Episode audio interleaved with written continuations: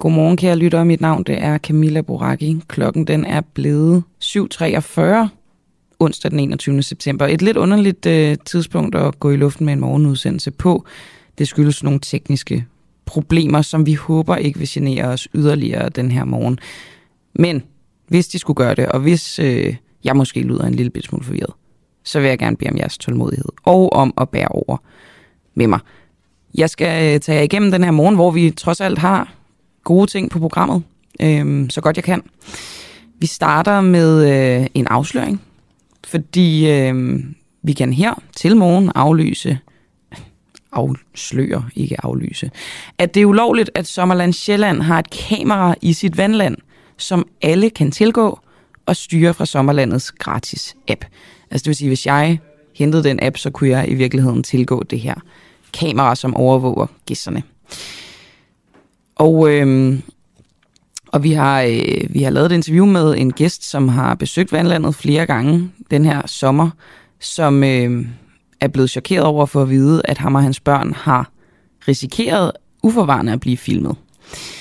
Øhm, og øh, vi skal høre flere gæster fortælle, at de ikke har været klar over, at de er blevet filmet i Sommerland Sjælland. Og så starter vi også her med, at øh, jeg skal tale med en juraekspert, som ligesom skal vurdere det her koncept. Øh, og så har vi så også et interview med Digitalt Ansvar, den organisation, som mener, at det her det er langt over grænsen. Altså, da jeg hørte det her, så tænkte jeg, øh, okay, hvor, hvorfor, øh, hvorfor har de sat kameraer op, som man ligesom kan følge med i på afstand? Hvad er der sjovt ved for mig at sidde her i København og kigge på et overvågningskamera på gæster i Sommerland Sjælland?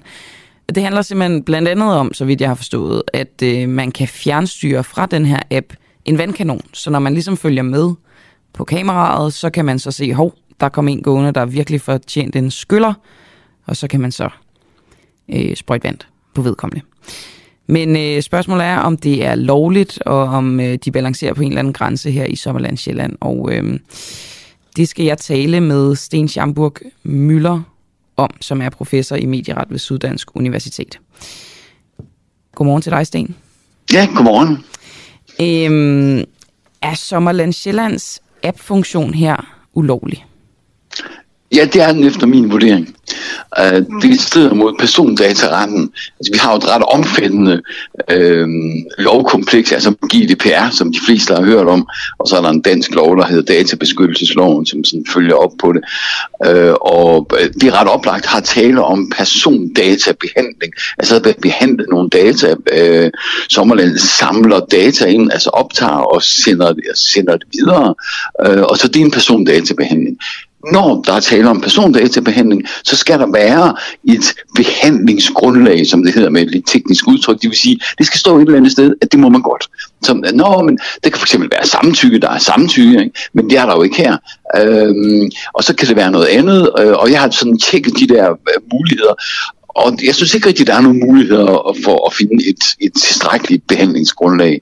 Altså der er et sted, hvor det hedder, i GDPR, hvor det hedder, at, at hvis, hvis den, der indsamler oplysningerne og behandler oplysningerne, har en, en, en tungere vejende interesse, det er jo typisk, hvis man går selv og tager billeder sådan ude i det offentlige rum, det vil være ok, så kommer der nogle billeder af nogle andre med, det må de finde sig i. Det der er, det er sådan, der er vi i småtingsafdelingen. Men her, der har øh, Sommerland jo ikke nogen særlig interesse i, altså som du selv lige var inde på, altså hvad går det her ud på. Så efter min vurdering er det ulovligt. Og kunne man heller ikke kalde det en særlig interesse, nu ved jeg godt, det lyder lidt skørt, men det er jo det her med, øh, at man kan fjernstyre en vandkanon, og så kan man ligesom sidde på afstand via den her app og se, her kommer øh, øh Sten Schabburg Møller gående forbi, nu vil jeg gerne øh, sprøjte en vandstråle på ham.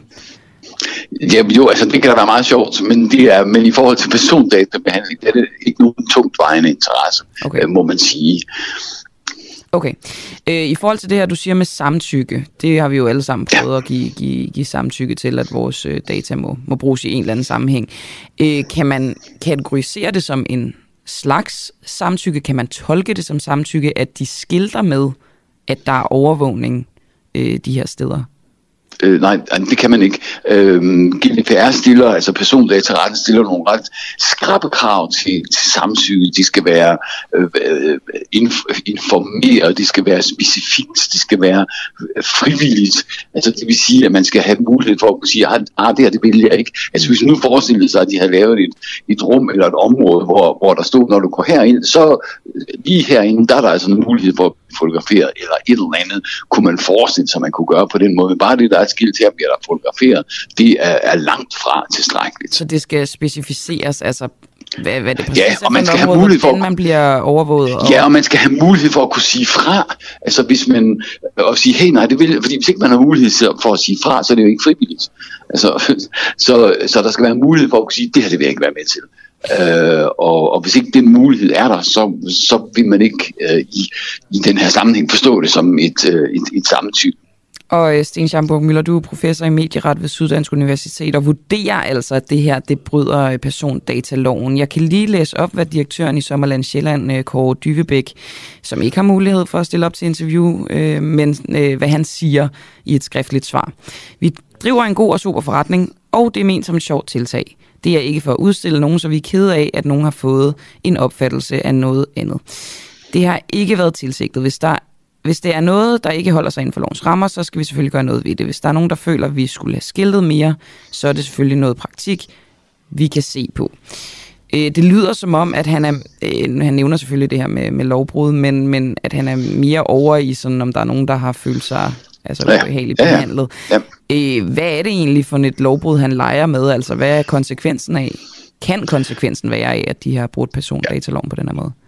Øh, ja, det vil være inden for, altså det er jo inden for, vi er jo inden for sådan en, bøde, en bødestraf, altså typisk vil der jo ske det, at, at der er nogen måske, der anmelder det til datatilsyn, datatilsyn stikker en bøde ud, øh, eller hvordan det kan være, så vi er her indenfor. Det lyder også som om, at han faktisk ikke er klar over, at, øh, at det her det er persondatabehandling. Han tænker, hey, det er et sjovt tiltag, det kan man selvfølgelig diskutere om det er, men det er hans vurdering. Øhm, og, og, og, så har han ikke sådan tænkt over, at det her det er persondatabehandling, og man skal ind i de der mange, og det indrømmer jeg gerne, til tider altså ret indviklede regler, men det skal man når, øh, når man behandler persondata. Jo, men må, øh, kan man ikke også sige, det er logik for moderne burhøns, at man ikke øh, bare må over, overvåge? Jo, altså det, jo, det kunne man måske godt sige, det, var, det er en vurdering, men det er i hvert fald ret oplagt, at, at, at det her, altså min vurdering er, at det er uh, ulovligt, og, og det bør man altså som, hvis man driver en virksomhed, så bør man altså tjekke sådan nogle ting, uh, er der nogle personbehandlingsting, vi har gang i, uh, og så må man følge reglerne. Tak for det, Sten Schamburg Møller. Ja, selv tak. Professor i medieret ved Syddansk Universitet.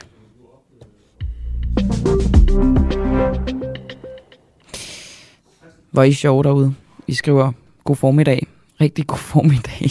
altså, ja ja, jeg ved godt, vi er gået senere i luften på grund af tekniske problemer, men altså, klokken den er 7.51, ikke? Men I er sjove. Jakob Larsen og Jakob Svendgaard og også Dan Sten Christensen, som skriver, godmorgen og godt I kom i luften. Tak fordi du sætter pris på det. Det er jo også meget fedt, altså når man ligesom er væk, at man så også kan føle, at man faktisk mangler og så betyder det jo i virkeligheden noget, det vi laver. Det er egentlig meget rart. Også godmorgen til dig. Uha, nu får jeg udtale besvær her hos Daniel Grip... G. Prim Michael. Michael. Gribim Michael. Hmm. Okay, Prøv, nu skal vi videre til øh, en historie, som vi øh, behandlede for nogle uger siden. Øh, det handler om øh, menighedsrådet i Bellahøj Kirke, nærmere bestemt valg til menighedsrådet i Bellahøj Kirke. Øh, den tidligere stram kursprofil Lars Tejlade og tidligere nyborgerlige formand på Frederiksberg, Carsten Larsen, var i går til valg til menighedsrådet i Bellahøj Kirke i Brøndshøj Sogn. Og for inden der havde det siddende menighedsråd advaret beboere i Brøndshøj via sms'er og beskeder i lokalgrupper på Facebook. Og øhm, nu skal jeg tale med Lars, Lars Tejlade, for det var som sagt i går aftes, at det her menighedsrådsvalg løb af staben. Og spørgsmålet er, om, øh, om de her forskellige, hvad skal man kalde det, kampagner øh, imod øh, han selv og øh, Carsten Larsen har virket, eller om han faktisk blev valgt ind. Gjorde du det, Lars Tejlade? Godmorgen. Øh, godmorgen. Det kan jeg så sige, at de kampagner har øh, virket, fordi at, øh, jeg blev i den grad ikke valgt ind. Øh, og hvad betyder det, det sådan i øh, ja. Øh, kolde, hårde tal? Det betyder, at jeg kom ind på en absolut øh, taber sidste plads, kun med, med, med fire stemmer, øh, og der var 85 øh, stemmer øh, Så for ja, på, på spil. Ja, så, så, så det var meget lidt, og man måtte endda stemme fem gange, ikke? Så, så man kan gange de der 85 med, med, med fem. Så det var en absolut øh, taber sidste plads, det må man bare sige. Carsten Og-. Larsen fik, fik dog dobbelt så mange stemmer som, som, som mig. Han fik otte stemmer. Kom han ind? Nej, øh, han kom ind, der skulle bruges 10, og der var 14 opstillet, og jeg tror, Carsten øh, Larsen kom ind på en delt øh, øh, efterplads deromkring. Øh, der var en, en person, der hed Frank, som, som, som fik lige så mange øh, stemmer som Carsten, ikke? Øh, 8, men, men, men hverken Carsten eller mig blev, blev valgt ind i menighedsrådet. Og tilskriver du det her, øh, de, ja, lad os kalde det kampagner, der er kørt øh, på, som jeg sagde i oplægget, Facebook, og der er også blevet sendt nogle sms'er rundt.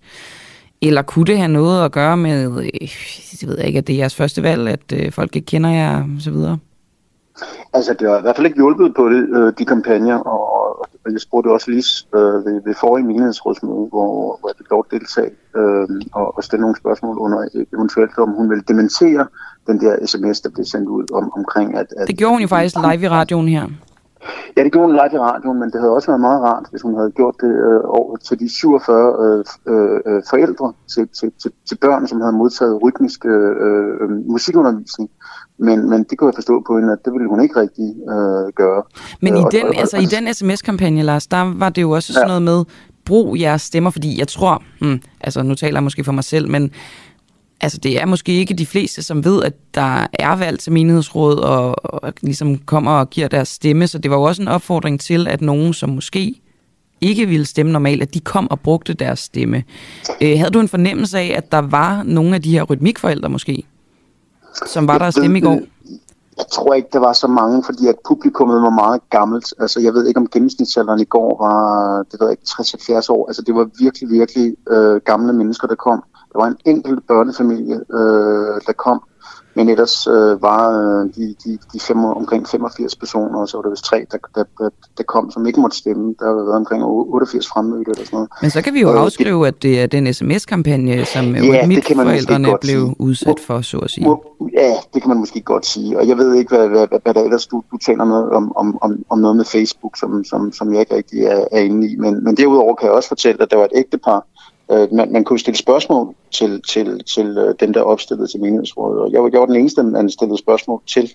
Og det var et meget aggressivt ægtepar, der hed Alice og Michael Heller, som, øh, som havde været inde og se øh, øh, videoer, hvor jeg demonstrerede mod islam og, og, og, øh, og var meget, øh, ja, det var godt nok en meget aggressiv øh, måde, de, de tilsynede mig på og, og, og ligesom kastede mig under bussen, og, og de, de prædikater, der, der, der blev sat på mig der. Øh, Hvad var det for noget? Først, først startede Alice. Jamen, det var om, at, at, at jeg ikke var værdig til at sidde i menighedsrådet, og, og min tone over for muslimer, det, havde, det, det, det, at jeg havde afbrændt koraner, og de havde også været inde og se en demo, som vi holdt i sommer, en, en demo, som vi holdt, øh, som hed Danmarks Statistik store øh, befolkningsudskiftningsbedrag, hvor, hvor, hvor de havde siddet og talt, og hvor de mente, at jeg havde råbt øh, fuck islam øh, 40 gange.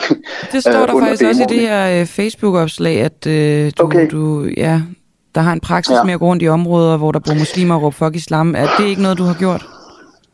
Det har jeg bestemt gjort, men det, det man jo lige skal have med i den sammenhæng, det er, når, når, når, når vi går ud og laver demoer mod islam, så er der jo altså øh, på, på, på den der demo, øh, som, som de så havde været inde at se, øh, Danmarks Statistiks store øh, befolkningsudskiftningsbedrag, der, der var der altså omkring 30 antifager, der stod over på den anden side af fortorvet, og, og, og, og nogle af dem øh, sagde, at de ville slå os ihjel. Ikke? Mm. Og, og derudover er der også muslimer, som kommer og siger, at de vil slå os ihjel. Altså, det er altså meget voldsomt, og det er jo derfor, der er et stort øh, fremmøde af, af, af politi, som putter sådan nogle minestrimler op, hvor, hvor de beskytter os, fordi at der simpelthen er folk, der kaster ting efter os. Men, men og, derfor er det vel stadig ikke at kaste ind under bussen, altså hvor meget det så end er berettiget, men at, altså, at fortælle, at du går og råber fuck islam, det er da meget godt, sådan, så folk kan selv tage stilling til, om de synes, at det, Det er er, en kandidat, rigtigt. de vil have i deres menighed. Det er selvfølgelig rigtigt, og, og, og jeg må bare erkende, at, at, at det er selvfølgelig ikke karrierefremmende at have øh, råbt øh, fuck islam. Det er det ikke, men, men man skal måske se det øh, også i forhold til alle de øh, øh, altså dødstrusler, øh, vi får, når vi stiller os op og kritiserer islam og sådan noget, og, og, og, og den voldsdominans, vi, vi møder fra voldsdominante muslimer, så der, der, der føler vi jo på en eller anden måde, at vi ikke bare skal lade det gå ind i sjælen og, og, og lade, lade vores shit, få et knæk. Ikke? Men tror du ikke, at, at det er sådan, altså, øhm, måske den retorik, og så det, det, det afføder øh, af, af voldelige øh, hændelser, tror du ikke, at det kan være det, som har gjort menighedsrådet lidt allergiske på en eller anden måde? Selvfølgelig, selvfølgelig, og det er der også hård kost, og, og, og, og for det officielle karriere Danmark, som jeg kalder det, øh, er det der hård kost at have sådan mm. som os øh, gående rundt, som ikke er noget filter, og som mm. bare siger vores mening om, at vi synes, øh, islam er en lortereligion, mm. og, og, og, og, og, og som jeg også sagde i går, jeg brugte ikke ordet lortereligion, men jeg sagde da, at jeg synes slet ikke, islam har noget med, med den Gud, øh, en kærlig Gud at gøre, som elsker alle sine børn, mm. fordi det kun er muslimer, der bliver inviteret med til den her egoistiske fest. Altså alle de vantro bliver jo ikke inviteret med i islam. Så, så, så jeg er svært ved at genkende en kærlig Gud, der elsker alle sine børn i islam. Og det sagde jeg også i præsentationen af mig selv. Ikke? Men, men, men, men for de her mennesker, jo, det er jo her for Danmark, for der mange øh, for, for kaffen gav i halsen, når de hørte øh, det det. den måde, vi, vi, vi, vi betaler om islam på. Ikke? Men altså, de må også forstå, at, at vi får dødstrusler, og, der, og, og muslimer kaster ting i hovedet på os, og, og kaster ting efter os, og kommer og vil øh, øh slå os og bliver anholdt. Ikke? Så vi lever også med en anden, hvad kan man sige, ja, voldstrussel. Vi ja, det er det. Den der og det er jo nok det, som det de helst vil holde uden for menighedsrådet i virkeligheden, ikke? Jo, men jeg sagde jo meget klart, at, at, at, at den profil, som kirken har, øh, og, og, og det ansigt, som kirken har, og menighedsrådet har udadtil. Jeg kommer ikke på nogen som helst måde til at kubbe den her profil, og, og, og jeg er jo et rimelig dannet menneske, altså selvom mm. jeg, jeg siger de ting, øh, det er i hvert fald min, min, min opfattelse af mig selv, selvom jeg har den her islamkritiske øh, profil, som jeg har, så, så jeg har ikke på nogen måde tænkt mig at gå ud og, og, og øh, brænde koraner af foran kirken, eller råbe af muslimer foran kirken, hvor ikke på nogen som helst måde, altså menighedsrådet øh, har en politik, og den vil jeg jeg fører øh, og rette mig efter 100%, men det tror jeg ikke rigtigt, de, de accepterede, og, og jeg talte også med en pige bagefter, der mente, at det ikke ville være muligt for mig at, at, at skille mellem min egen mening og, og, og, og menighedsrådets øh, profil udadtil. Ikke? Så, så selvfølgelig har de været nervøse og bange, og, og, og, og, og, og derfor også altså, de der voldsomme udtalelser for det her ægtepar, øh, Alice og Michael Heller. Ikke? Må du ikke gerne og, og, sige deres navne? Ja, det ved jeg ikke. Altså, de, de, de, de, det ved jeg ikke, om jeg må, men altså, jeg synes altså, nu, nu, nu bliver jeg udskammet på den måde, som jeg gjorde, og, og følte mig virkelig som, som sorte pære, og følte mig, mm. efter de havde øh, skældt mig ud på den måde, var, var, var det meget pinligt. Mm. Jeg følte, at der, der, jeg gik rundt, virkelig, jeg følte mig som en saber, ikke? Øhm, fordi ingen kiggede på mig, ingen sagde hej til mig. Det var meget pinligt efterfølgende. Men altså, det er, jo, det er jeg jo vant til, og, og jeg klynker jo heller ikke, fordi at når jeg har de holdninger, som jeg har, så, så, så er jeg jo vant til på en eller anden måde at blive øh, udråbt som, som, som, som sorte pære, eller inde i, i rollen som sorte pære, det officielle karriere Danmark, som, som jeg kalder det, fordi jeg har de forkerte holdninger, som ikke er karrierefremmende. Ikke? Mm. Så, så, så, men, men hold da op, det var ikke nogen øh, kærlig øh, stemning, der var efter de, de som havde, havde øh, kommet med deres... Øh, øh, ja, hvad kan man sige, øh, øh, manglende anbefalinger mig. Kort til sidst, Lars Tejlad, øh, fortsætter du, øh, altså vil du prøve igen? Vil du prøve et andet menighedsråd? Hvad er planen? Ja, yeah, altså jeg, jeg tror jo, øh, ja, du kan grine af det, men jeg, jeg tror fuld, fuld fast på Gud, og jeg vil sige, jeg kender Gud, så, så jeg synes jo også på en eller anden måde, der bør, bør være plads til sådan nogen som mig i, i folkekirken. Der bør vel være plads til alle. Øh, ligesom der også var være plads til folk, der, øh, folk, der går med en indvandringsforelskelse og islamforelskelse. Altså, øh, folkekirken bliver nødt til at være rummelig, hvis, hvis, hvis den skal have en, en, en fremtid. Øh, og der er jo et, et meget stort medlemsfald i, øh, i folkekirken. Øh, så så øh, måske vil jeg prøve igen om, om fire år. Altså, øh, øh, tingene går også i en bedre retning. Jeg, jeg kan også godt mærke, at, at, at, at det der had, der er imod mig, Øh, og når, når, når og min islamkritiske profil, det er meget mindre slemt end for fire år siden, da, da, da, de, da jeg var med ude på de første stram kursdemoer. Ikke? Der var det mm. godt nok slemt. Ikke? Mm. Så, så, så jeg tror, at om fire år, øh, tror jeg da, at, at tingene vil have ændret sig, og, og øh, om, om man vil øh, være mere åben over for personer øh, med, med en så islamkritisk profil, som jeg har. Ikke? Det tror jeg da bestemt. Så øh, det, det, det kan jeg da ikke. Om fire år måske, jeg prøver igen. Et eller andet øh, i Bellehøj eller i en anden kirke. Ikke? Modtaget Lars Tejlade, altså øh, tidligere opstillet til menighedsrådet i Bellehøj Kirke, hvor du altså ikke kom ind. Tak fordi du var med. Velbekomme. Og god dag.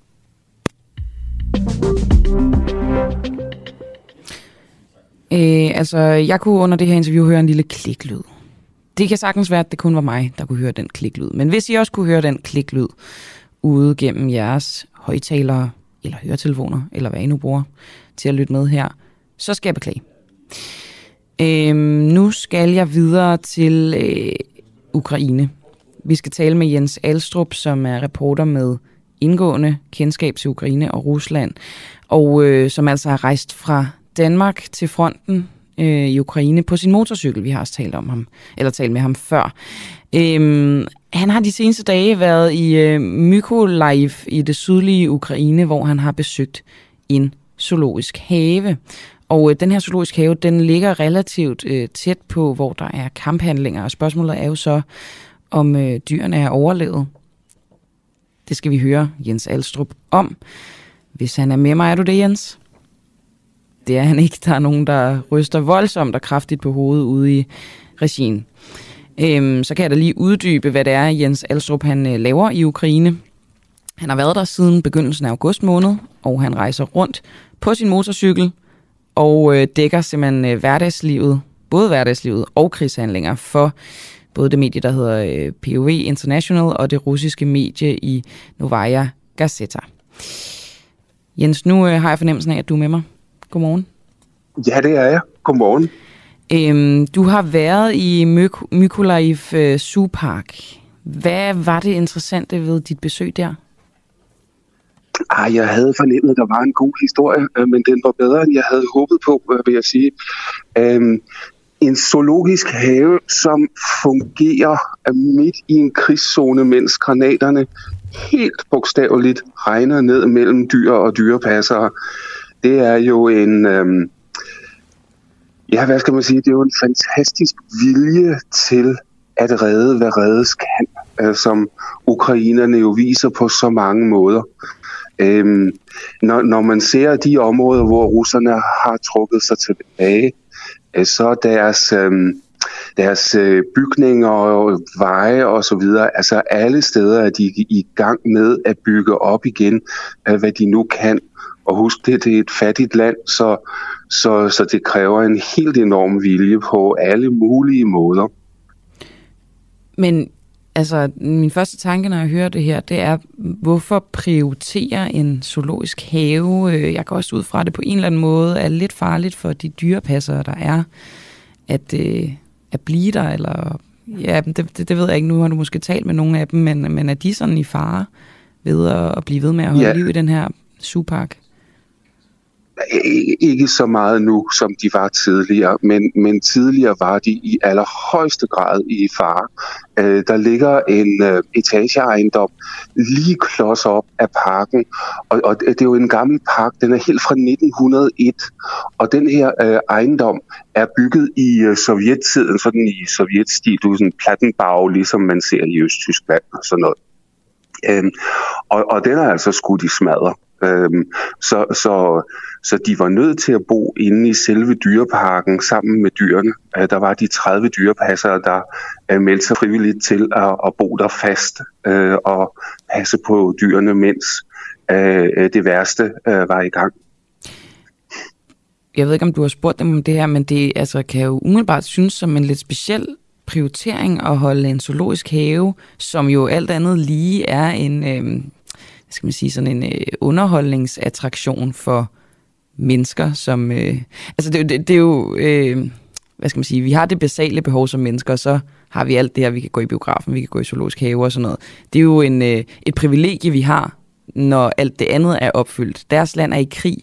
Er, er der et eller andet underligt ved, ja. at man prioriterer at holde en øh, zoologisk have åben? Og hvorfor tror du, de gør det? Jamen, det er der, og det har jeg jo også øh, tænkt over, fordi øh, når alt kommer til alt, så overlever vi uden zoologiske haver. Det, det er der jo slet ingen tvivl om. Og, og, og altså, en zoologisk have er jo nu sådan de sidste, øh, ja, det, det, jeg er ikke ekspert i zoologiske haver, men, men, men, men i hvert fald for 50 år siden var de jo totalt unødige. Øh, der var jo ikke noget øh, redningsarbejde eller andet for dyrearter i, i zoologiske haver. Det var jo øh, parker, hvor man kunne kigge på en giraf, og så så man, hvordan det så ud, og det var jo interessant, og så fik man en is som lille barn, og så gik man videre. Mm. I, I dag er det jo så trods alt lidt mere end det. Men, men grundlæggende på en skala, der, hvor det hedder fysisk egen overlevelse, der, der, der synes jeg, det er smukt, at de siger, at nej, vores zoologiske have, vores historie, Øhm, og, og at der er noget, øh, der også er vigtigt ud over bare os selv, øh, selvom jeg nu ellers synes, det er vigtigt nok, altså sådan, når det handler om liv og død. Men, men jeg synes, det er smukt, at de øh, kæmper for deres zoologiske have. Og, og, og det viste sig jo, fordi nu er haven jo fra 1901, øh, den store borgerkrig, der var i øh, Tsar-Rusland, som øh, endte med, at man øh, fik øh, Sovjetunionen, øh, der var haven også øh, ramt af krigshandlinger i adskillige omgange, og også der slog øh, de ring om haven og sørgede for, at den kom øh, igennem øh, øh borgerkrigen. Og selv da øh, tyskerne angreb i øh, 1941, og, og de blev så smidt ud i starten af 44 øh, af området her, øh, der sørgede man også for at passe på den zoologiske have, i øvrigt efter samme model, øh, som de har kopieret nu her, og det var, at øh, dyrepasserne simpelthen valgte at bo sammen med dyrene under hele 2. verdenskrig for at redde parken. Okay, så, så der er, er altså ikke noget, der er også en eller anden form for, at, ved ikke, historisk motivation, eller i hvert fald øh, inspiration til, at man kan bære den her øh, zoologiske have igennem øh, krigshandlinger. Ja, det er der helt bestemt. Uh, og, øh, og, og heldigvis for direktøren, øh, Vladimir Tovchev, han var en af de få, der troede på, at krigen ville komme. Så allerede i oktober sidste år begyndte de at bygge uh, forråd op. Fordi en ting er jo at beskytte zoologisk have, men, men byen var stort set lukket af for omverdenen. Det er også derfor, at det var ikke en mulighed for dem at evakuere dyrene, at de havde simpelthen ingen mulighed for det. Så dyrene ville gå til, eller også måtte man blive ved dem. Og, og, øhm, og der havde, men der havde de altså sørget for for inden at øh, få øh, at få øh, øh, øh, øh, hvad hedder det foder øh, til dyrene. Men hvor i, længe har de foder til? Altså det må vel også slippe op på et tidspunkt? Ja, nu er øh, kommunikationslinjerne åbne igen, men det var i næsten tre måneder, at de øh, ikke kunne få nyt foder i. Og, øh, og, og, og det havde de altså lige præcis nok til, inklusiv det, som borgerne i byen kom med. Øh, det var alt fra, at øh, øh den lille bedstemor købte et par koteletter til løven, øh, til at øh, at nogen øh, øh, vågede pelsen og kørte øh, gennem øh, den eneste forbindelsesvej og kom tilbage med byen eller med øh, bilen fyldt af foder øh, til øh, giraffen eller hvad det nu har øh, været. Okay, Jens Alstrup, øh, vi har ikke mere tid nu, men det, øh, det er jo sådan nogle her dele af krigen, som man ikke lige umiddelbart tænker over, men jo som selvfølgelig også fylder. Hov. Hallo? Nu var det som om, at øh, Jens Alstrup han øh, røg lidt bræt af, uden at jeg fik sagt farvel til ham. Men øh, jeg kan sige, at øh, her var det altså Jens Alstrup, som er reporter med kendskab til både Ukraine og Rusland, som rejser rundt på sin øh, motorcykel for at afdække dels hverdagslivet, som, øh, som vi hørte her på en måde, selvom det ikke virker så hverdagsagtigt at øh, holde en zoologisk have i live midt under en krig, men så også krigshandlinger. Og det var altså denne her zoologiske have i Mykolaiv, som øh, har eksisteret siden 1901, og som har overlevet flere forskellige krigshandlinger. Jeg får at vide, at Jens Alstrup stadig er på, og så kan jeg da lige sige behør et farvel og tak til dig, Jens. Tak og i lige måde. Vi snakkes ved.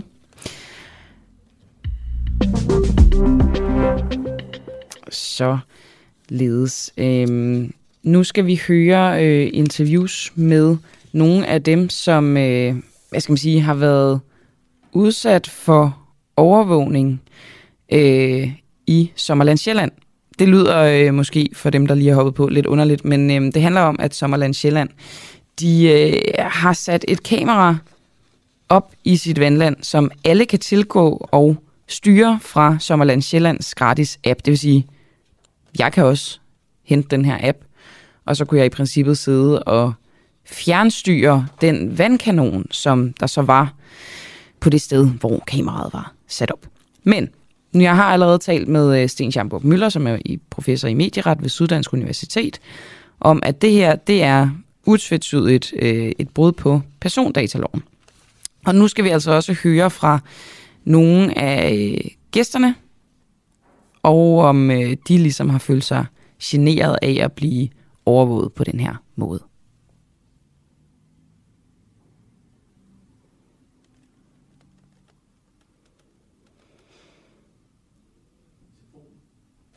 Sikkerhedsmæssige årsager, hvis der er sket et eller andet bagefter. Det burde ikke være noget, der offentligheden har adgang til på den måde. Altså,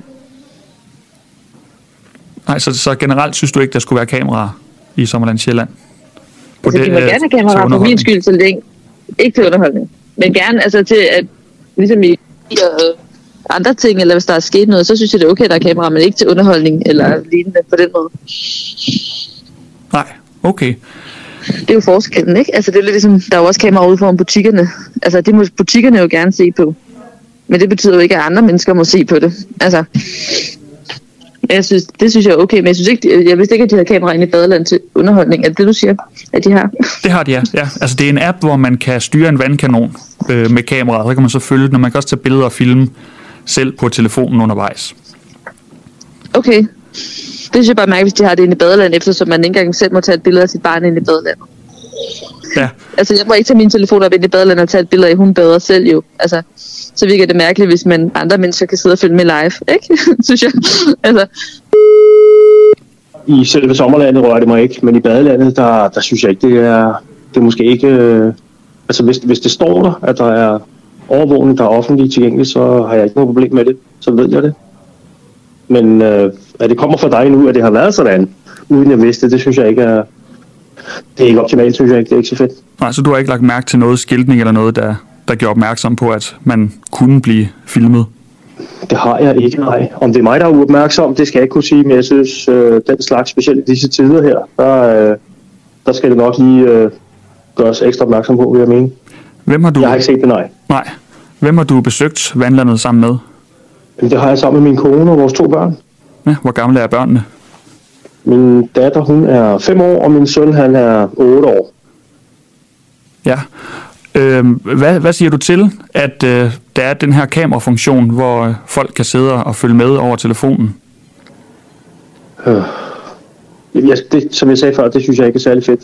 Øh, jeg synes, det er meget utilfredsstillende faktisk. Jeg kan, jeg kan ikke se, hvad, hvad, skulle, hvad skulle det gavne, at man kan sidde og kigge på badende gæster? Skal børn? Altså jeg kan fortælle, at det er fordi, man kan styre en øh, vandkanon, og så kan man skyde øh, fra sin telefon. Men man kan så også sidde og, og filme og, og følge med i, hvad ja. der foregår. Jeg kunne godt, øh, jeg kunne godt forstå, at det er vandkanon, der står i midten, men jeg var ikke klar over, at man kunne sidde og, at der var kamera og sådan noget på. Det var jeg slet ikke klar over.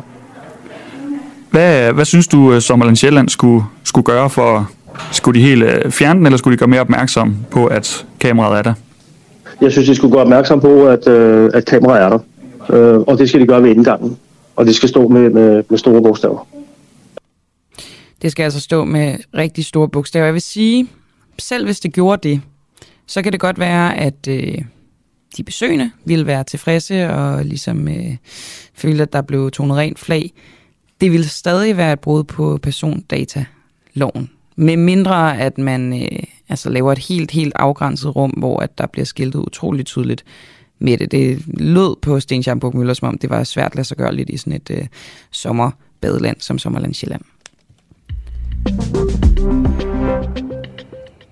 Ruslands præsident Vladimir Putin, han øh, udskød i går aftes sin øh, tale, og øh, udskød den altså til her i dag klokken 8, og øh, nu er klokken blevet 8.16, og der begynder at tjekke nyheder ind om, hvad præsident Putin han altså siger.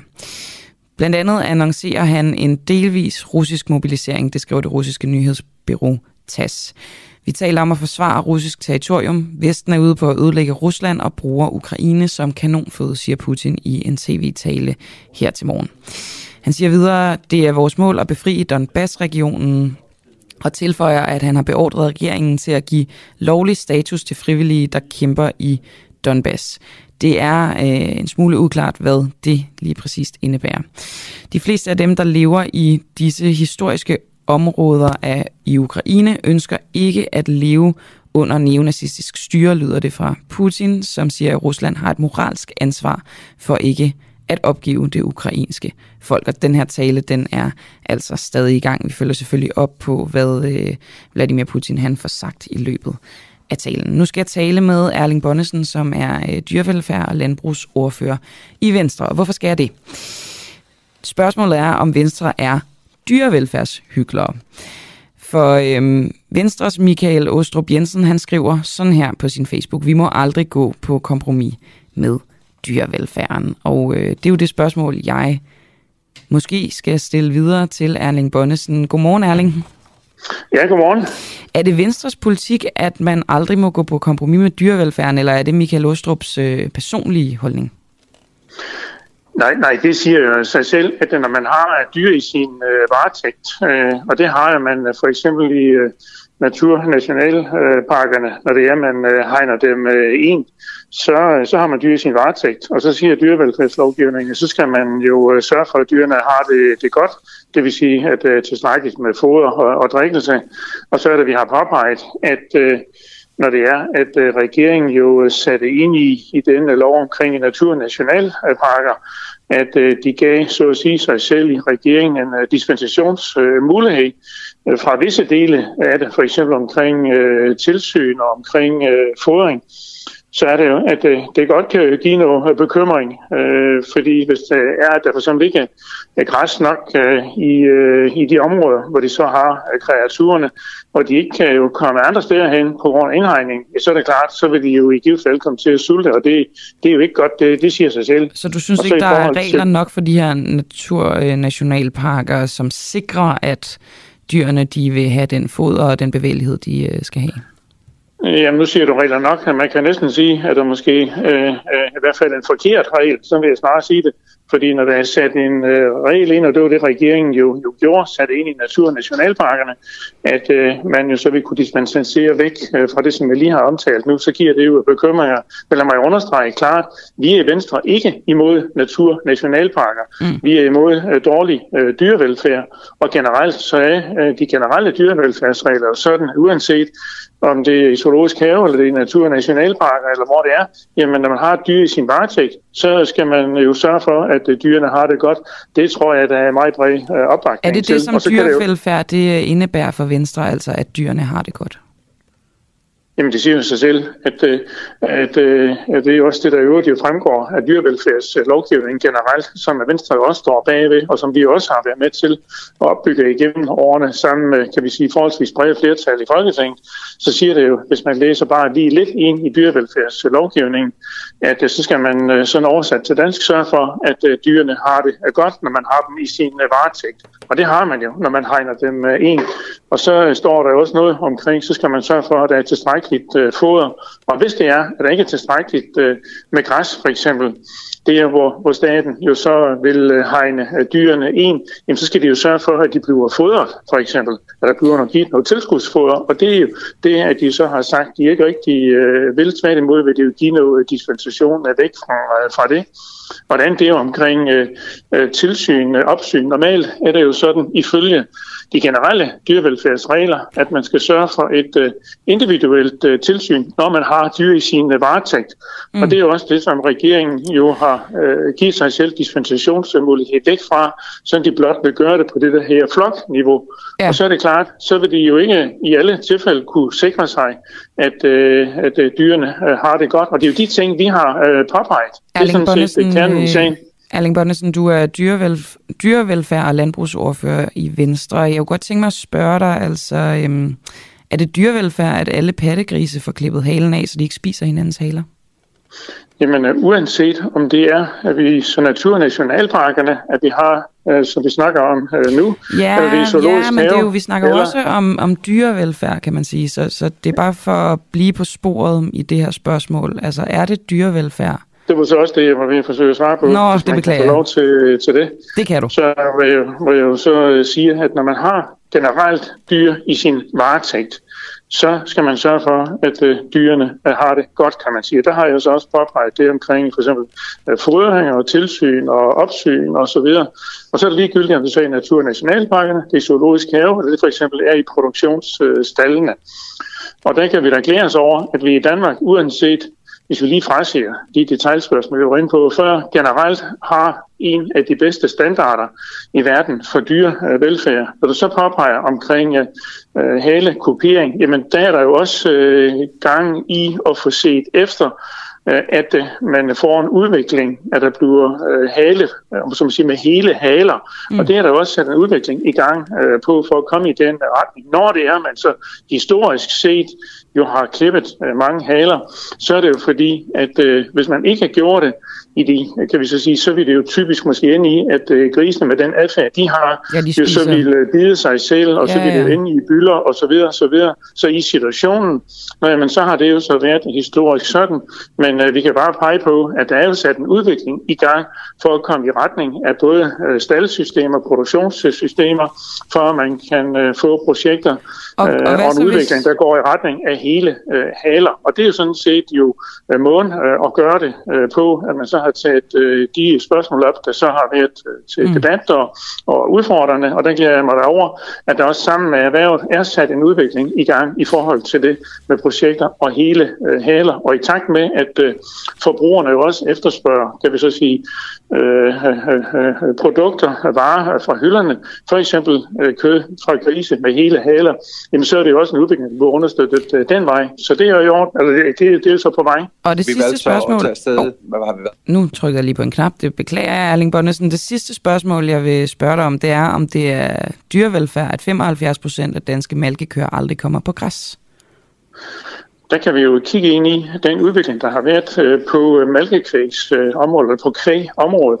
Og hvis man har gjort sig selv den tjeneste nu her så sent som i søndags, hvor der var åbent hus rigtig mange steder på, på landbrug, og jeg var selv også ude og besøge et par stykker af dem, der er der jo de nye, store, moderne stalle, hvor det er, at køerne jo går øh, løse, kommer rundt i øh, større områder, hvor der også er dybstrøgelse, hvor stallene er meget mere åbne.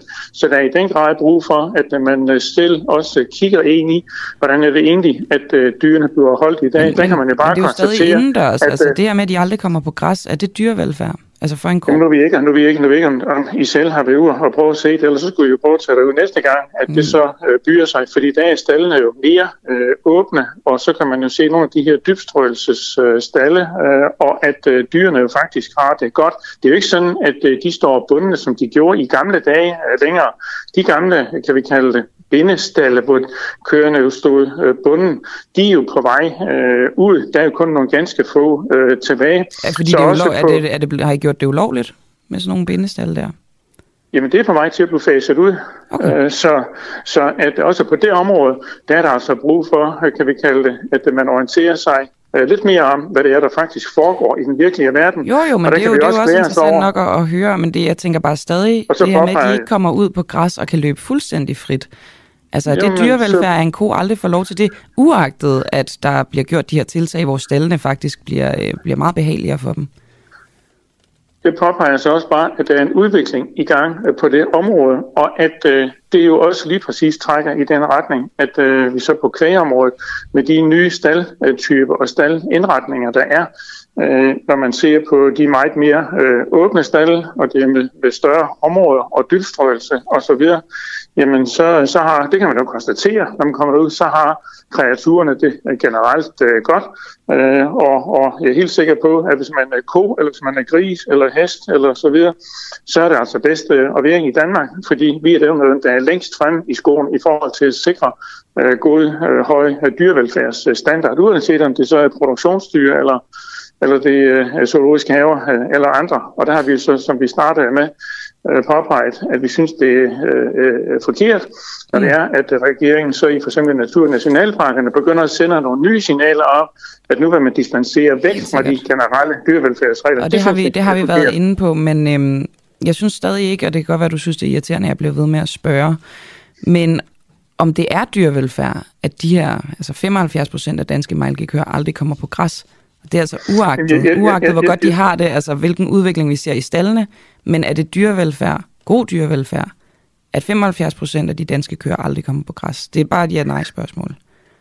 Jamen, jeg svarer jo også øh, derhen, at øh, der bliver løftet på dyrevelfærden, også på kvægområdet.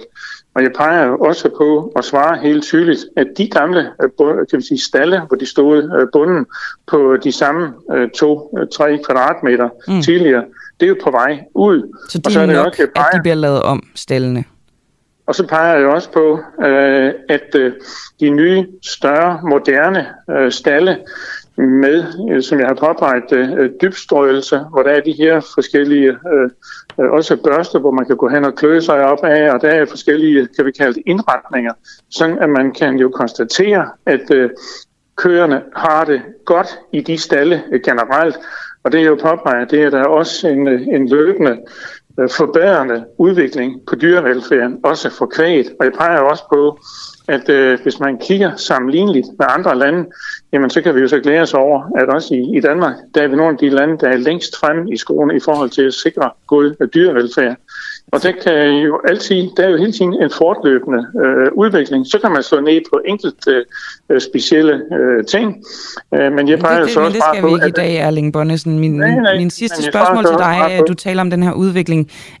Er det jeres mål i Venstre, at udviklingen skal gå i retning af, at køerne også får lov til, altså hovedparten af køerne i konventionelt landbrug, også skal have lov til at komme på græs? Jamen, øh, vi har i Venstre sammen med et øh, øh, kan vi sige, bredt øh, flertal af partier jo løbende foretaget forbedringer på dyrevelfærdslovgivning igennem øh, årene, og der er vi jo nået op på det sted, som vi har øh, nu, og der er jo, øh, kan vi sige, sammen med, med erhvervet en fortsat udviklingsproces. Jeg er klar over, at det er et lidt øh, bredt øh, svar, men det er det nødt til at være, fordi man kan ikke i en radiodebatprogram øh, forhandle enkeltstående øh, emner. Det skal jo forhandles øh, samlet, og det er det, vi også gør i de aftaler, vi indgår i. Men jeg glæder mig også over som Venstres øh, dyrevelfærdsordfører, at for så vidt angår også produktionsdyrene i den her situation, øh, kvæg øh, og svin, jamen der er vi i Danmark et af de lande, der er længst fremme i skåne i verden øh, på at sikre øh, god øh, dyrevelfærd. Og det er jo lige præcis også derfor, at øh, de danske fødevarer, du efterspurgt øh, verden øh, over, netop på baggrund af fødevaresikkerhed og også øh, god dyrevelfærd, det er jo efterspurgt ikke kun af de danske forbrugere, men også af et stigende købepublikum internationalt. Jeg har altid undret mig over det argument, Erling Bonnesen, at vi er de bedste i verden. At, altså, vi skal vel være de bedste efter vores egne ambitioner, vores egen målestok. Det, at resten af verden ikke er gode på dyrevelfærd, det er vel ikke noget, vi kan måle os op af på den måde. Hvorfor bruger du det argument?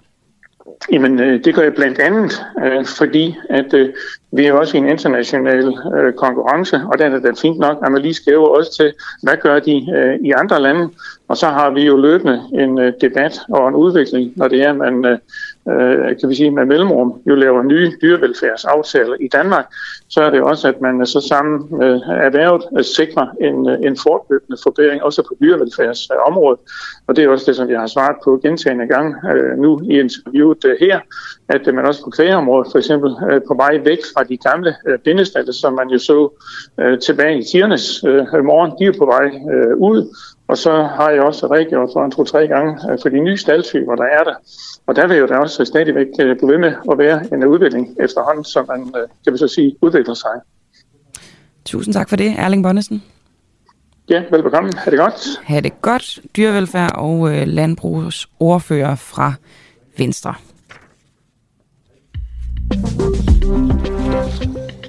Mit navn er Christian Henriksen, og jeg er politisk redaktør her på Den Uafhængige. Mens Danmarks Radio åbenbart har valgt at bruge sin statsstøtte på mellemledere og teknologi, så vil vi her på Den Uafhængige blive ved med at bruge jeres støtte på at tjekke op på politikernes løgne og faktatjekke alt, hvad det er, de siger og gør. Derfor lancerer vi den her nye kampagne, hvor vi, hvis vi får 300 nye medlemmer, vil opjustere på faktatjek og dybdeborende journalistik. Vi gør det egentlig allerede, men vi har brug for flere ressourcer, så vi kan ansætte journalister udelukkende til det. Og derudover så lancerer vi også et nyt faktaprogram. Her er et lille klip med mig selv, som demonstrerer, hvad det er, vi gerne vil give jer lyttere og seere endnu mere af. Tilbage i september 2020, der indgår øh, du, klimaminister Dan Jørgensen, en øh, samarbejdsaftale med Aalborg Portland om, at øh, de skal nedbringe deres udledning af CO2 med 30 procent frem mod 2030. Det er 660.000 tons. Siden aftalen bliver lavet, har de ikke lavet andet end blot at udlede endnu mere CO2.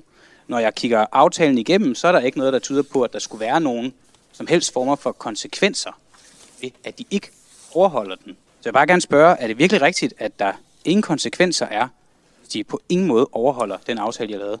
Siden øh, den aftale blev lavet, er der jo sket det, vi har indført, eller rettere sagt, vi har lavet en aftale om en grøn skattereform, som kommer til at lægge skat på udledningerne. Så nej, det er ikke rigtigt. Øh, hvis ikke man reducerer sine udledninger, så vil man skulle betale en skat af Det gælder vel alle virksomheder. Altså det er vel ikke særligt for Aalborg Portland lige netop det der. Altså den der aftale, I har lavet, er jo en aftale, der forpligter Aalborg Portland til at nedbringe deres CO2-niveau. Mm. Og hvis, ikke de nedbringer, det, det, så hvis, ikke, jeg. hvis ikke de nedbringer deres CO2-niveau, så vil det have den meget store konsekvens for dem, at de vil skulle betale meget mere. Det er den aftale, I lavede i 2014. Det er rigtigt, der er ikke nogen, ud over en meget stor regning, er der ikke nogen yderligere konsekvenser. Okay, så det er der ikke. Tak for svar. Så synes du også, det her er vigtigt, så bliver medlem af den uafhængige. Vi skal bruge 300 nye medlemmer, og vi får altså ikke en krone af staten. Ja, det var her øh, Christian Henriksen, politisk redaktør, med reklame for vores øh, nye programmer, nye kampagne. Og øh, ja.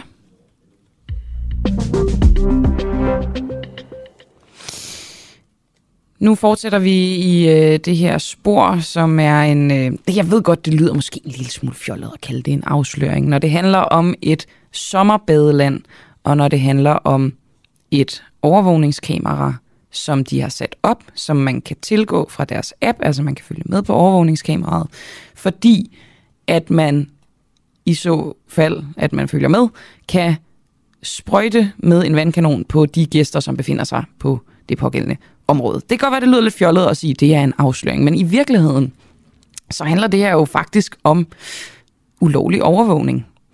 Det har vi i hvert fald fået øh, slået fast fra øh, professor i jura, Sten Schamburg Møller, og nu skal jeg tale med Ask Hesby Kro, som er sekretariatschef i foreningen Digitalt Ansvar. Og øh, vi skal tale om, om man kan misbruge de her overvågningskameraer, som Sommerland Sjælland har sat op i deres vandland. Godmorgen, Ask. Godmorgen. Altså øh, sekretariatschef i Foreningen Digitalt Ansvar. Hvilke problemer ser du i øh, den her videofunktion, som øh, Sommerland Sjælland har øh, sat op? Man ser helt tydelige øh, problemer, og jeg kan godt forstå, at man, man i forhold til dem, om det er en afsløring, og det kan virke lidt øh, hø-hø og så videre, men, men det er jo et eksempel på, at øh, man, øh, man laver noget, som man tænker, noget teknologi, man tænker, det er egentlig meget sjovt og smart, og ikke tænker over øh, misbrugspotentiale, og det er der helt tydeligvis. Øh, der er muligheden for at, at følge med øh, og få et kig ind i noget privatliv, som man ikke øh, har fået lov til. Øh, og det, øh, det skaber i hvert fald en, kan skabe en rigtig dårlig stemning, øh, og være ret ubehageligt efterfølgende at finde ud af, hov, der var faktisk nogen, der kunne følge med i mit, øh, mit øh, mere eller mindre privatliv øh, med familien osv. Så, øh, så det kan være rigtig ubehageligt. Og så skal øhm, det også sige, at... Ja, undskyld. Ja, men jeg bremser dig lige, Ask, fordi det er lidt interessant det her med privatliv. Når du siger privatliv, så tænker jeg, ja, men folk er jo taget i sommerland. Jeg ved ikke, om man decideret kan kalde det, at man er ude i det offentlige. Altså, man er ude mm. i, øh, hvad skal man sige, i offentligheden. Men det er man jo lidt, så hvad er det for noget privatliv, som ikke i forvejen er sat til skue for for eksempel alle de andre gæster? Ja, og det er lige præcis her, hvor der er et, lidt mudder, kan man sige, fordi det er lidt det samme som at tage på strand. kan man sige, men der, er, der er man jo valgt at tage ud i et offentligt rum, øhm, og øh, der, må, der må folk jo godt kigge på en eksempelvis. Men, men der har vi jo også valgt at sige, at øh, der, en journalist må godt tage et billede på en strand for at vise, at øh, folk er på stranden, og vi har godt sommervejr osv., men, men, men der er jo en grænse for, hvis man lige pludselig går hen og begynder at tage billeder af dem, der ligger ved siden af eksempelvis, øh, som kan være ret øh, ubehageligt, og, og særligt hvis man ligger i en bikini, eller hvad det nu kan være, og, og måske ikke har lyst til, at der er nogen tager billeder af en. Og det er jo lidt det samme her, hvor man, hvor man har et rum, som dels er offentligt, altså vi kan alle sammen tage ind i, i, i, i hvad hedder det, badelandet her, øh, men samtidig så, øh, så, så er vi der jo i en privat, øh, en privat øh, sammenhæng med vores familie, og, og, og hvad kan man sige, udlever vores privatliv.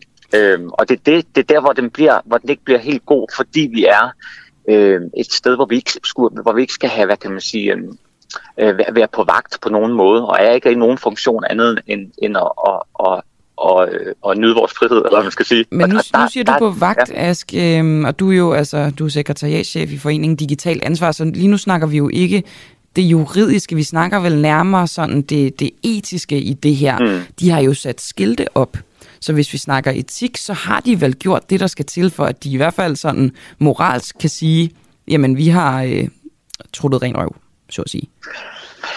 Ja, og det, er, det er jo rigtigt. Der, der, der er noget der, hvor man kan sige, jamen, så, så, så burde det være fint nok. Øh, spørgsmålet er, om alle bliver informeret og forstår, hvad det betyder. Det, det, det, det kan jeg godt betvivle. Men det har øh, folk vel også et ansvar for, for selv, eller, eller hvordan? Mm, ja, jeg, jeg synes, den er på gang. Man kan sige, allerede der, hvor, hvor der, der er nogen, der går ud, og en professor går ud og siger, at det er ulovligt, så har man i hvert fald et, et, et, et problem. Så burde man egentlig ikke så meget diskutere, øh, hvad kan man sige, øh, moral. Men jeg synes Nej. faktisk, det er ret vigtigt, fordi at, øh, at, at jeg tror, det handler mere om øh, lidt tankeløshed i forhold til noget teknologi, end man, man tænker over, hvad, hvad vil det egentlig betyde på den dårlige side. Altså mønten er jo, er jo dejlig på den ene side, hvor man kan sige, at det er noget sjovt at lave, og vi kan få noget god PR på det. Men hvad betyder det egentlig? Og få den diskussion, hvad betyder det egentlig, at der lige pludselig er nogen, der kigger med? Og det ændrer bare fuldstændig rummet. Øhm, og det er det der, hvor jeg, hvor jeg, jeg synes, at det er den, den, den, den samtale, burde man have haft, og nok havde indset, at det her det er ikke super smart øh, og gøre, at, at alle sådan set kan blive, blive, blive overvåget, og alle kan kigge med. Hvordan tænker du, at øh, nogen vil kunne misbruge det her? Jamen, så, er der, så er der misbrugspotentiale, hvor man kan sige, at, at der er nogen, der for eksempel øh, ikke har lyst til, at andre kigger med. Det kan eksempel være, at der er nogen, der er i et, i et uh, stalkingforløb. Øh, det vil sige, de, øh, ikke har lyst til, at der er en, en, øh, en tidligere partner eksempelvis, eller en anden, der har stalket dem, der, der kan følge med. Det kan også være, at man ikke har lyst til, at, at hvad ved jeg, ens arbejdsgiver øh, kan følge med i alt, hvad man laver, hvis man arbejder sådan et sted. Altså jeg tænker jo også, og det kan være, at nu bliver det skide ubehageligt, ikke? men det her, det er et sommerland, det er hvor der kommer børn, det er hvor der kommer børn i badetøj. Altså, mm. Du ved godt, hvad jeg tænker ja. på lige nu, ikke? Ja, ja, helt bestemt. Og det er den anden, og det er også den første, og det er også det, det første, jeg tænkte, det var det der med, jamen, kan man, kan man zoome ind, og kan man decideret have sådan en, øh, en, øh, en, øh, øh, et, et, et misbrugspotentiale i forhold til simpelthen også at tage nogle, tage nogle billeder øh, af skærmen øh, i, af, af børn, øh, hvor man kan sige, at det her det er altså over det, hvor vi normalt vil sige, at, at, at det er, er ulovligt simpelthen. Øh, og det, og det, det er jo svært at sige præcis, hvor, hvor, hvor, hvor, hvor, hvor, hvor meget og hvor tæt man kan gå på. Man kan forstå, at der ikke er en zoom-funktion. Jo, jo, men, men jeg, tænker da alligevel, det må da være slaraffenland for nogen, der det, godt kan lide at kigge på den slags. Helt bestemt. Og så spørgsmålet om, om det er decideret ulovligt, men i hvert fald de forældre, der er der med deres børn og skal nyde det her, som jeg mener er et, privat, et, et, et semi-privat rum, i hvert fald en privat setting, øh, de skal jo ikke have, være bange for, at deres, deres børn øh, bliver, bliver set på på den måde. Og det har man jo mulighed for, hvis du, hvis du nu tager på stranden, øh, og så du oplever, det er simpelthen ubehageligt, at der er nogen, der, der er for tæt på mine børn, eller andet, så kan man jo reagere på det, men du har ikke muligheden her, du kan faktisk ikke følge med i, hvem der sidder og kigger på.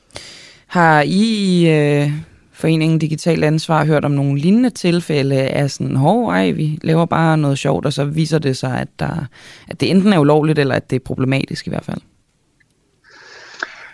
Man kan sige, der, der, er, der er eksempler, vi har også været ude i forhold til noget af den teknologi, som vi alle sammen benytter. Altså, øh, nu havde vi med, med Apple, som havde lavet sådan en AirTag, hvor man kan sådan en smart nøglering, så man kan putte i sine forskellige ting, for eksempel nøgler, så man kan finde øh, finde ting. Og det er jo rigtig smart, men samtidig kan det også blive brugt til, at man kan overvåge andre, man kan snitte ned i en taske osv.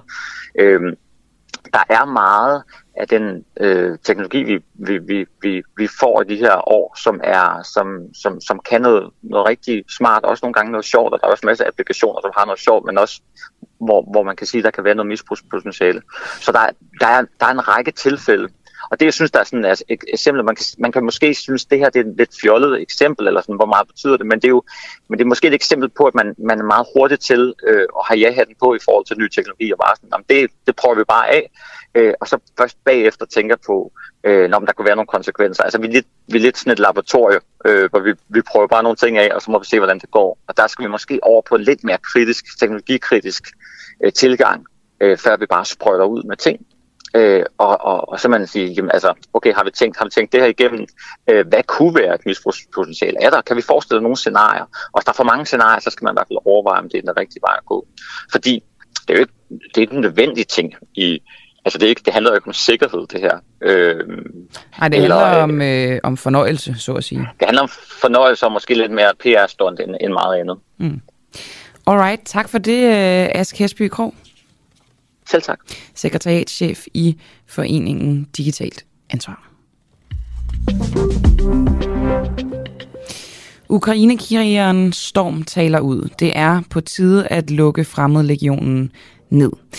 Danskeren Storm Karl Baldersson tog i begyndelsen af marts til Ukraine for at kæmpe mod russerne. Den danske ukrainekriger han løfter nu sløret for dele af dagligdagen i den ukrainske fremmedlegion, som han i et interview, vi bragte i går, beskrev som en børnehave med dårlig ledelse. Storm Baldersen han fortalte i går, hvordan fremmedlegionens ledelse satte de frivillige soldaters liv på spil, da russiske bomber regnede ned over legionens militærbase i Javoriv uden for Lviv i det vestlige Ukraine. Det skete den 13. marts, og ifølge den lokale guvernør mistede 35 personer livet, og 134 blev såret. Storm Baldersen han øh, sagde, at ledelsen inden da ignorerede forslag om at flytte basen ud i en skov, der var sværere at spore. I dag der skal vi høre ham uddybe sin kritik af Fremmedlegionen, som er den legion, der øh, ligesom samler krigere fra andre lande end Ukraine, som øh, vil slutte sig til den ukrainske her. Vores reporter Clara Vind starter med at spørge Storm Balderson om, hvad ved krigen i Ukraine, der har påvirket ham mest. Og Storm Balderson han fortæller blandt andet, at soldaterne selv må sørge for at skaffe penge til mad og toiletpapir, og han har oplevet misbrug af for eksempel donationer.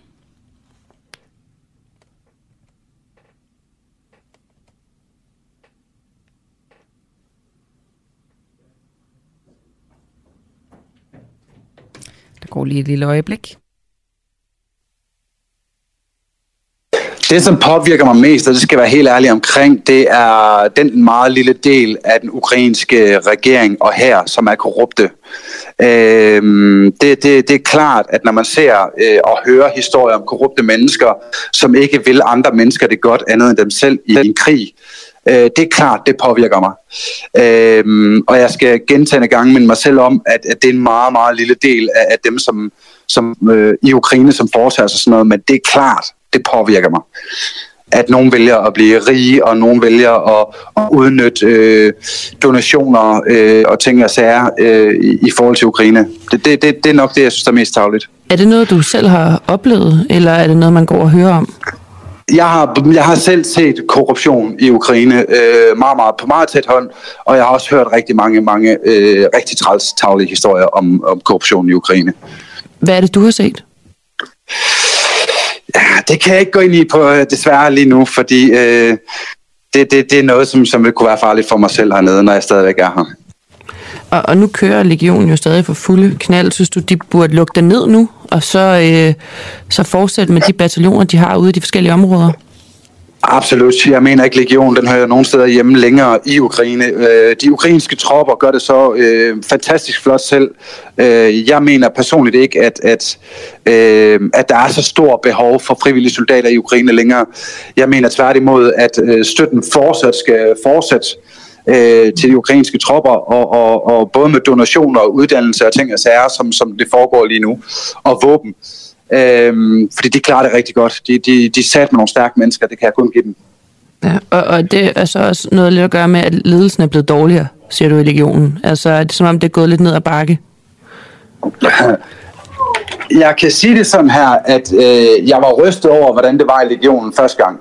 Og jeg kan sige det sådan her, at jeg var endnu mere rystet. Altså helt inde i min grundvold var jeg rystet over, hvordan det var sidste gang, jeg var der. Altså nu ved jeg godt, at vi har snakket lidt om det også før, men kan, kan du prøve at komme med nogle konkrete eksempler på det der med, du, hvad, hvad det er, du er rystet over? Altså hvad det er præcis, der gør, at du skal sidde og ryste på hovedet over legionen? Øhm, det er klart, det ryster mig at se øh, en international legion, som skulle have været forbedret meget, siden jeg har været der sidst, som i min optik kun er blevet dårligere. Øh, dårligere udstyr, øh, dårligere arbejdsforhold, øh, Øh, jamen, hvad skal jeg sige? Det, var, det er helt godnat. Det er fuldstændig tåbeligt, det der foregår i den internationale legion. De gør mere skade, end de gør gavn? Absolut, absolut. Nej, det ved jeg ikke. Det ved jeg faktisk ikke, om jeg kan tillade mig at sige, fordi jeg har jo ikke været rundt omkring i alt i den internationale legion. Jeg kan kun øh, sige for det, jeg var i, og det, jeg så.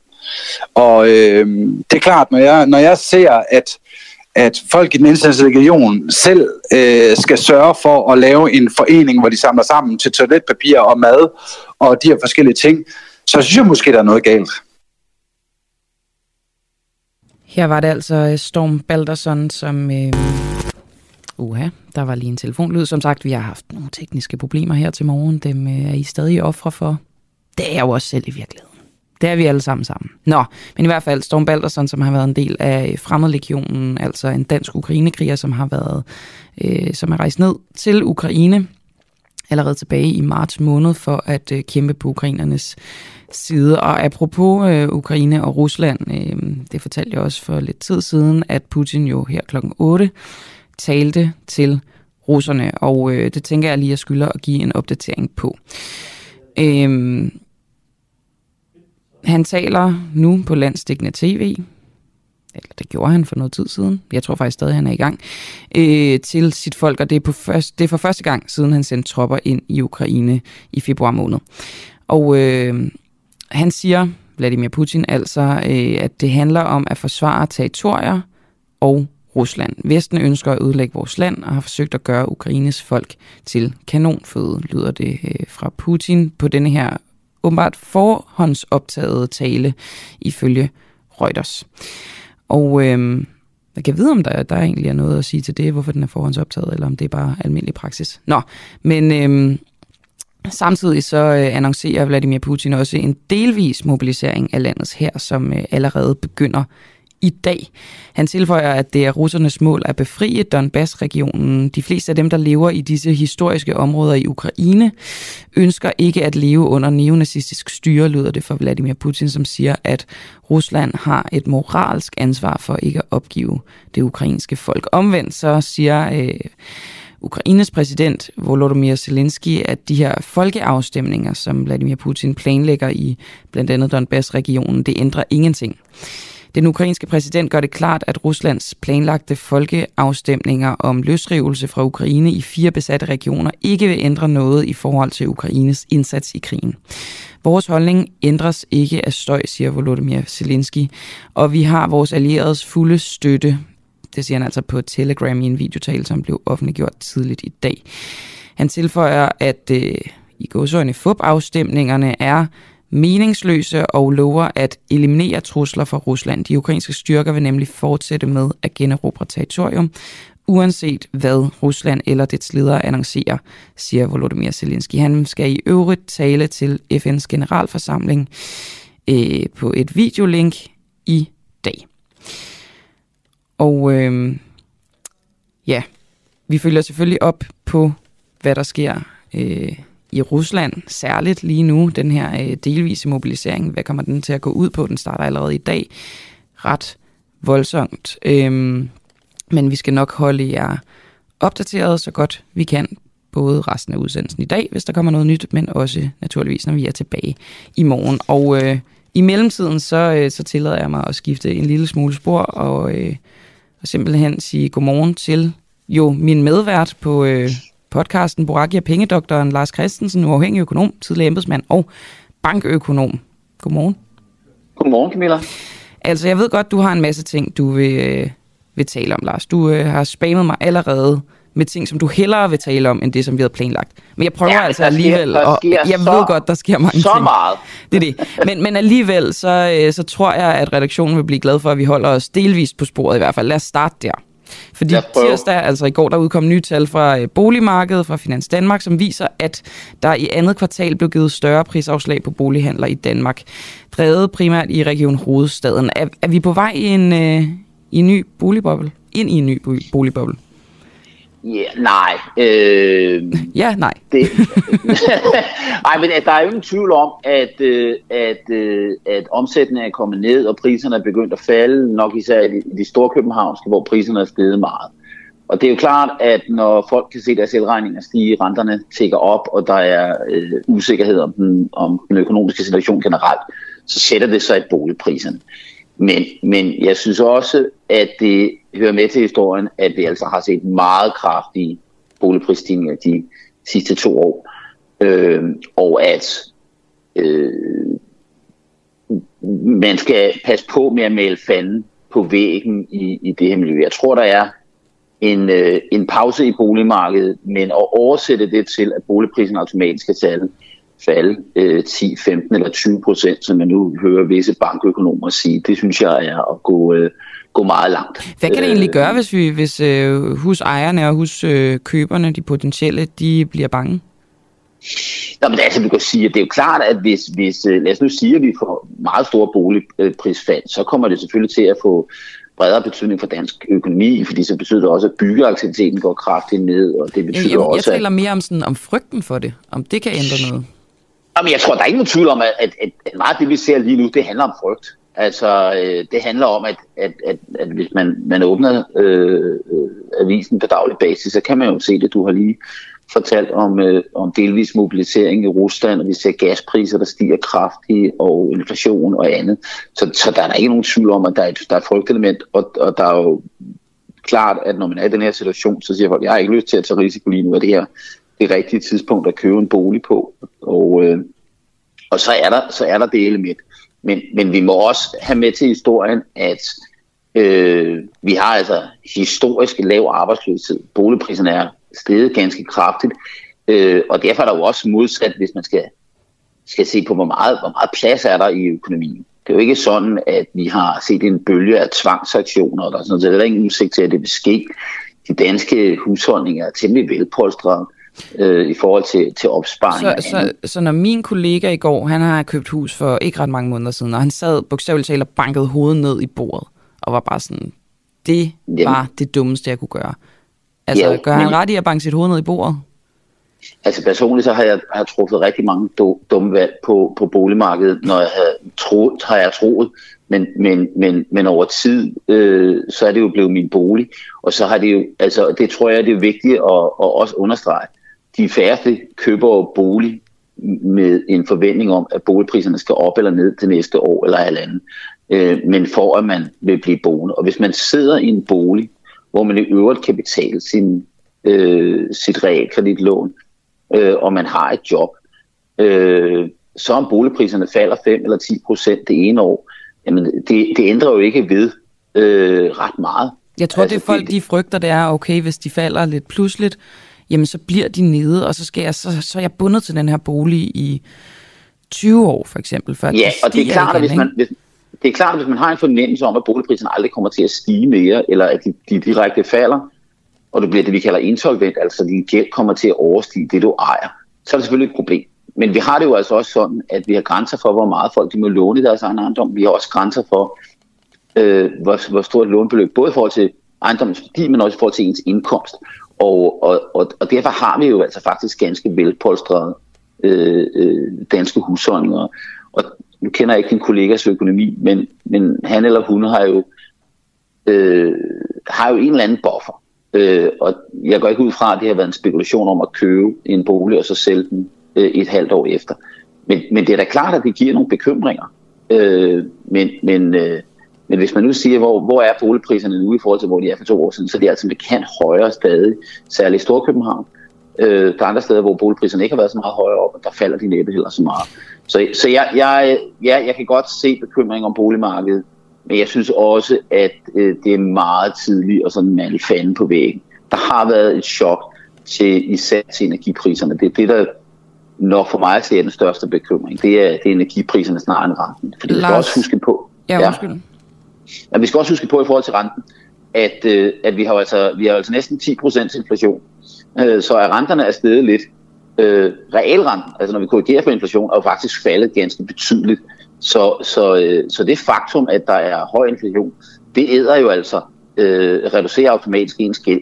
Så, så, øh, ja, det er jo en god ting for gælden. Altså, en høj inflation det, er en ja, god ting for gælden som udgangspunkt. Den, den, æder, den æder din gæld, så længe at, øh, at renterne ikke følger tilsvarende op. Og det har de altså ikke gjort. De er men ikke nær så meget som inflation. Men, og nu har du øh, to minutter tilbage, så du skal snakke kort, det ved jeg godt, du ikke er, det er ikke din spidskompetence. Men dengang du forsøgte at, at ændre min vinkel i det her indslag, så skrev du også, og oh, renteforhøjelse for Federal Reserve i aften. Ja. Kommer det til at have Nå, nogen indflydelse? Nu vil du godt snakke om ja, det. Ja, det vil jeg godt. Ja, hvis du ja. vil gøre det kort. Nej, altså, ja, altså vi har jo, altså øh, i aften så har den amerikanske centralbank Federal Reserve møde, og det bliver sandsynligvis annonceret, at man sætter renten op med 3 kvart point, procentpoint. Det ved de finansielle markeder godt, og vi kan også se, at hvis også de danske boligrenter er jo været stigende, altså realkreditrenterne har været stigende i den senere tid og fortsat opad. Hvis vi får øh, 3 kvart procents renteforhold i aften, så er det i sig selv ikke noget, der rykker noget, for det er, har allerede, renterne har allerede bevæget sig på den forventning. Hvis der kommer mere, ja, så går det mere. Især hvis Federal Reserve også signalerer, at de bliver endnu mere højeagtige, som man siger. Altså renterne skal endnu mere op. Så, så vil det kunne så påvirke vores realkredit øh, renter, eller renterne yeah. på vores realkreditlån.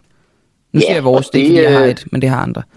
Nej, men nu kan vi jo godt øh, bruge den her lejlighed til, at vi skal ses i morgen og indspille øh, ugens øh, og Pengedoktoren, og der skal vi jo tale om øh, renter. Ja, rentøn. Så, øh, Renter, rentøn. Rentøn, ja. som jeg siger. Så. Altså, fordi der tit bliver talt om rentøn, og så, øhm, så tror jeg faktisk, at, øh, at folk nogle gange forveksler det med ja. øh, forskellige ting. At det er øh, renten på deres realkreditlån, for eksempel.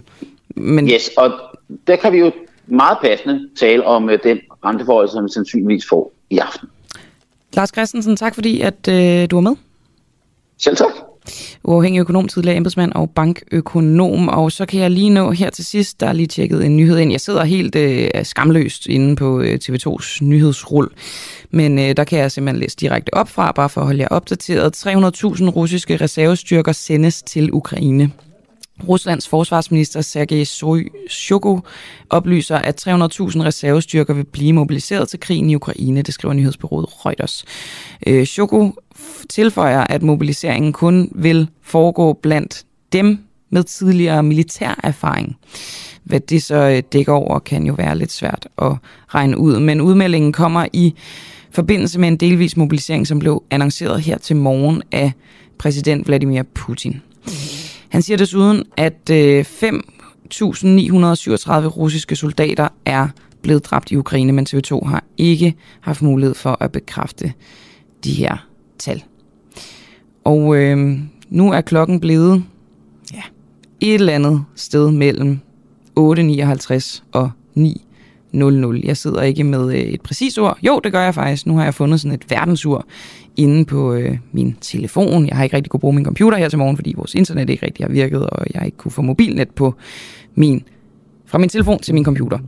Sikke meget sniksnak fra min side. Jeg håber, I kom igennem trods øh, tekniske problemer. Jeg synes, det har været en fornøjelse at sende. For jer er vi tilbage i morgen. Forhåbentlig med en lidt mere almindelig udsendelse. Mit navn er Camilla Boracchi i regien Tobias Jul og Kristoffer Poulsen sat sammen af Peter Svarts. Vi ses i morgen.